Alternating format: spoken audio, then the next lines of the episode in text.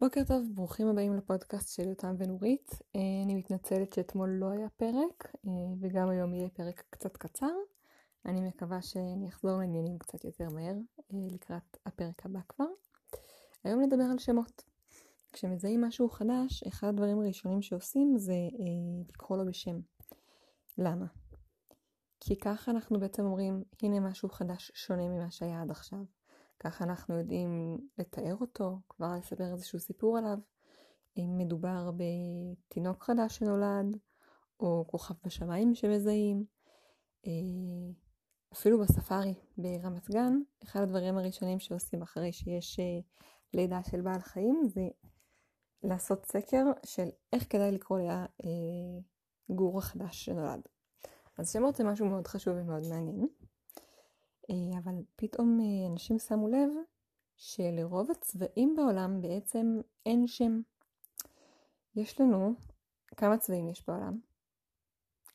אוקיי, אז בדרך כלל אנחנו חושבים על אה, נגיד חבילת עפרונות צבעוניים או טושים של 16 צבעים או 32 או איזה מספר נחמד כזה, אבל האמת היא שיש 16 מיליון 777,216 צבעים שונים. רובם באמת חסרי שם. אנחנו יודעים לזהות אותם לפי אה, רמת הצבעים השונים שמרכיבה אותם. אה, קוראים לזה RGB, כלומר אדום, ירוק וכחול, ומי שיודע להסביר הכי טוב על האפיון השונה של הצבעים זה אימא שלכם, שהיא גרפיקאית. מה שאני יודעת להגיד עכשיו מאוד מאוד בקצרה, זה שקם פרויקט חדש באינטרנט שמציע לאנשים, היי, אתם אה, זוכרים את כל הצבעים האלה שלאף אחד אין מושג איך קוראים להם ואנחנו רק מתארים אותם בעזרת שילוב של אותיות ומספרים? בואו נקרא להם בשמות, בואו נציע שמות. אז הוא הזמין, אה, האתר הזה, את כל הגולשים באינטרנט לקרוא שמות לכל הצבעים שיש בעולם. אבל מה אם כמה אנשים רוצים לקרוא את אותו שם לצבעים שונים, או שמות שונים לאותו צבע? במקרה כזה, תהיה הצבעה. ואפשר יהיה אה, לתמוך בשמות שאנחנו רוצים. אז למשל מצאו איזשהו גוון של אה, אפור שאחד הגולשים הציע לקרוא לו בטון יבש. ויש כחול שהוא יום גשום. וצבע ממש ממש ירוק, אז קראו לו הדשא של השכן, כי הדשא של השכן ירוק יותר. אתם מכירים את הביטוי הזה? כשאומרים שהדשא של השכן ירוק יותר, בעצם מתכוונים שהרבה פעמים דברים נראים הרבה יותר טוב אצל מישהו אחר. זה מתייחס לאיזושהי קנאה אולי לפעמים שמרגישים, או אה, קושי בלהבין אה, את הבעיות של בן אדם אחר, כי אצלו נראה שהכל הולך מאוד מאוד מאוד טוב, ורק אצלי דברים קצת מתפקששים.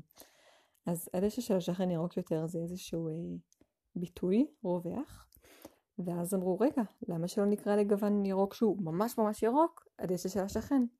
ככה כל מי שישמע הדשא של השכן, ידע להגיד, אה, זה הירוק שהוא ירוק יותר. אמ, אז ככה, עכשיו המון המון גולשים מסתובבים באתר הזה. בינתיים הציעו שם לשישה וחצי אחוזים מהשמו, מהצבעים האפשריים, שזה מיליון תשעים וחמש אלף ארבע מאות. אבל עדיין יש המון עבודה, כי זה בסך הכל שישה וחצי אחוזים. זה אה, ממש מעניין. זה אנשים מציעים 2,780 אה, שמות של צבעים בכל שעה.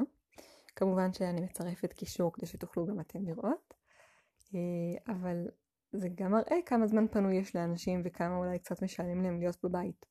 כי מישהו לקח צבע אפור נורא נורא משעמם, וקרא לו, אני בבית. אה, וזה גם דרך לזכור אה, רגשות לפי הצבע שבו אנחנו מרגישים אותם.